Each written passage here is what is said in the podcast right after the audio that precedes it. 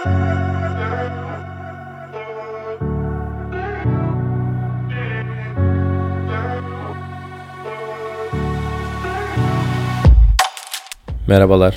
Görünmez Çocuk Podcast'a hoş geldiniz. Uzunca bir süre depresyon ve panik ataklarla mücadele etmiş fakat iyileşmenin gerçekten kendi istediği hayatı yaşamaktan geçtiğini öğrenmiş birisiyim. Bu süreçte fark ettiklerimi, sorunların gerçek nedenlerini ve bunlarla başa çıkma yöntemlerimi, özüme uygun ve coşkulu bir yaşama geçiş yolculuğumu sizlerle paylaşıyorum. Gerçeklerle yüzleşmek isterseniz sizi de anlamlı ve coşkulu hayata adım atma yolculuğuma davet ediyorum. Haydi başlayalım.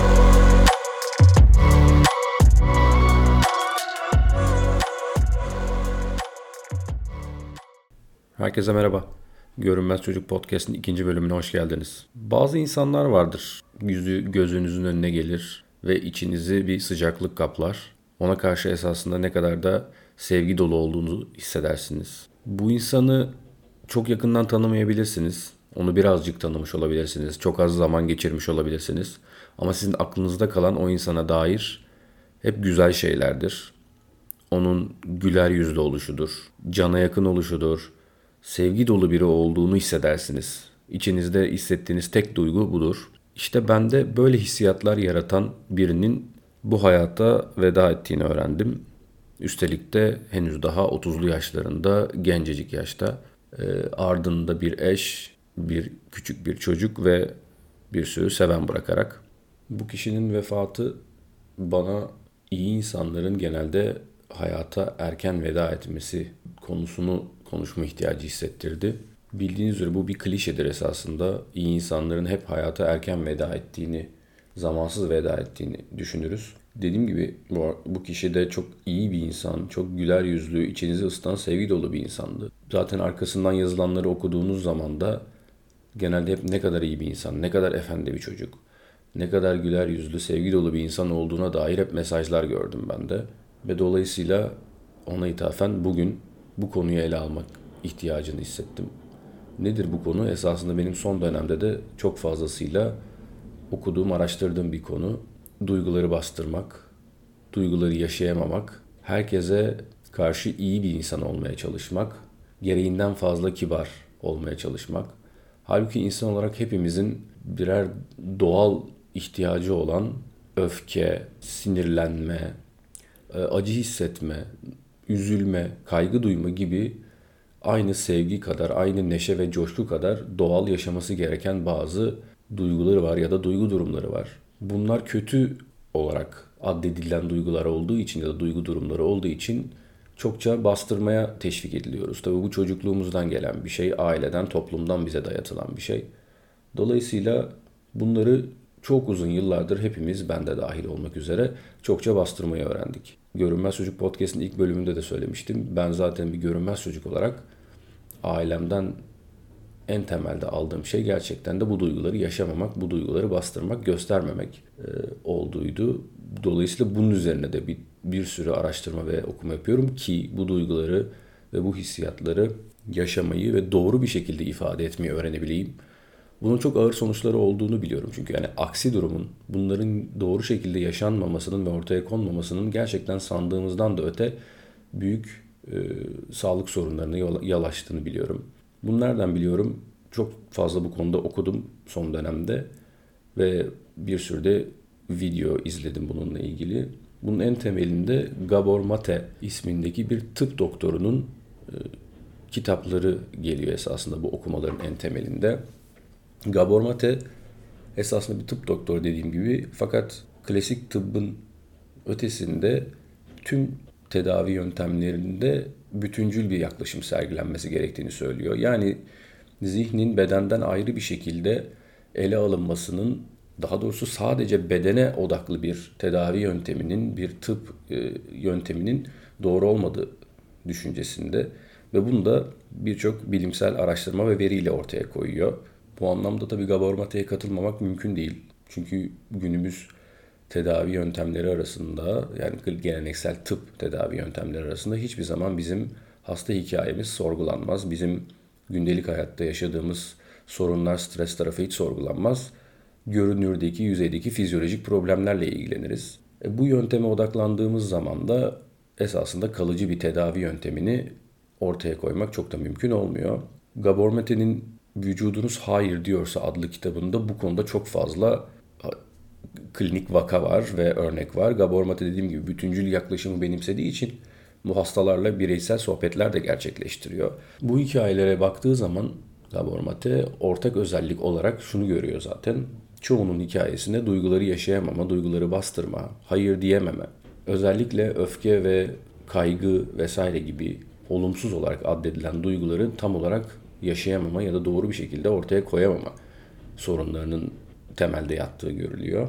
Bu duyguları yaşayamama ve bastırma durumunun tabii tek başına tüm bu sevimsiz hastalıkları ortaya çıkarmada bir faktör olduğunu, tek başına bundan, bunların neden olduğunu söyleyemeyiz. Ancak bunların önemli bir itici güç olduğunu ortaya koyuyor tüm bu çalışmalar ve araştırmalar. Sadece Gabor Mate'nin bireysel tedavi uyguladığı hastalarla değil aynı zamanda başkaca bilimsel araştırmalara da kitapta yer verilmiş. Dediğim gibi tek başına bir faktör değil ama şunu da aklımızda tutalım. Örneğin biliyoruz ki sigara en başta akciğer kanserinin en önemli nedenlerinden bir tanesi. Akciğer kanserinin neden olan en önemli faktör. Fakat bilimsel olarak ortaya koyulduğu üzere çünkü bu bir matematik verisi zaten her sigara içen akciğer kanserine yakalanmadığı şeklinde bir veri, veri elimizde olduğunu düşünürsek sigaranın da tek başına esasında akciğer kanserinin faktörü nedeni olduğunu söyleyemiyoruz.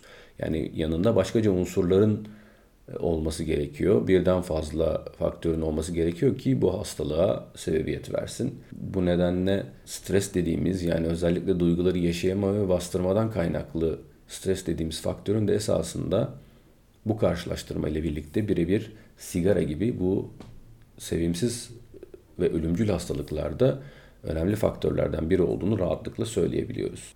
Ben de bu bilgileri öğrendikten sonra artık hayatımda olumsuz olarak addedilen bu duyguları en başta öfke gibi, üzüntü gibi, kaygı gibi duyguları esasında doğal bir şekilde yaşamam gerektiğini ve bunları doğru bir şekilde ortaya koymam ve ifade etmem gerektiğini öğrendim ve bunun üzerine çalışıyorum açıkçası.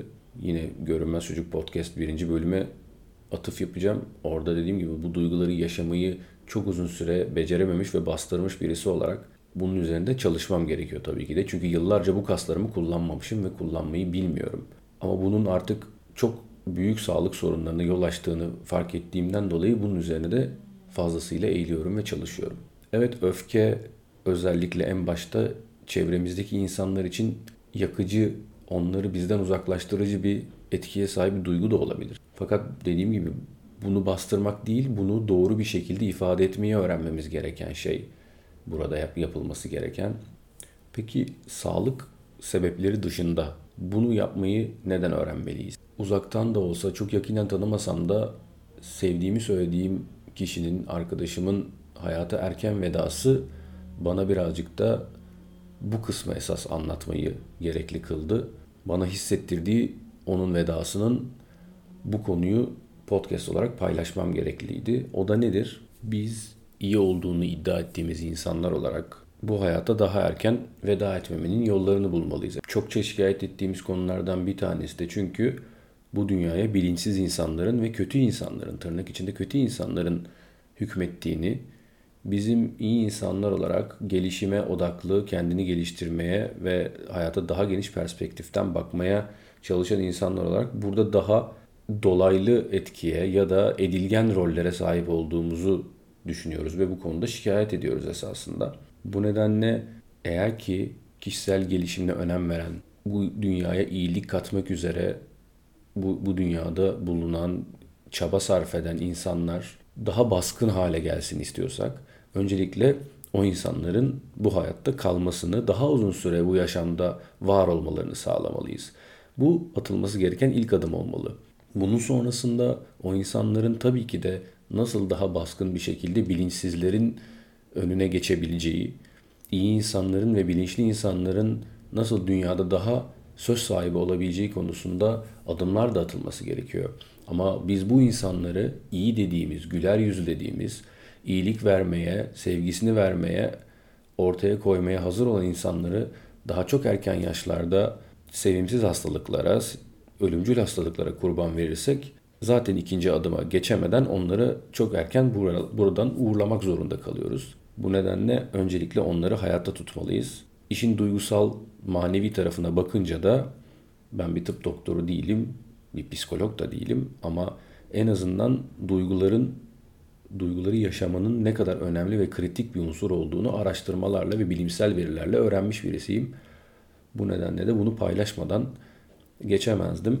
İyi insanların hayatta erken veda etmelerinin önüne geçmek için de artık duygularını yaşamaya fırsat verecek ortamları ve çalışmaları kendilerine yaratmaları gerekiyor. Bunun üzerine eğilmeleri gerekiyor. Ben de kendi adıma iyiliğin ve sevginin baskın geldiği bir gelecek için elimden geleni yapmaya ve bu konuda öğrendiklerimi sizlerle paylaşmaya devam edeceğim. Güzel duygularınızı doyasıya yaşadığınız, olumsuz duygularınızı ise bastırmadan doğru şekilde ifade edebildiğiniz güzel günler diliyorum. Bir sonraki bölümde görüşmek üzere. Hoşçakalın.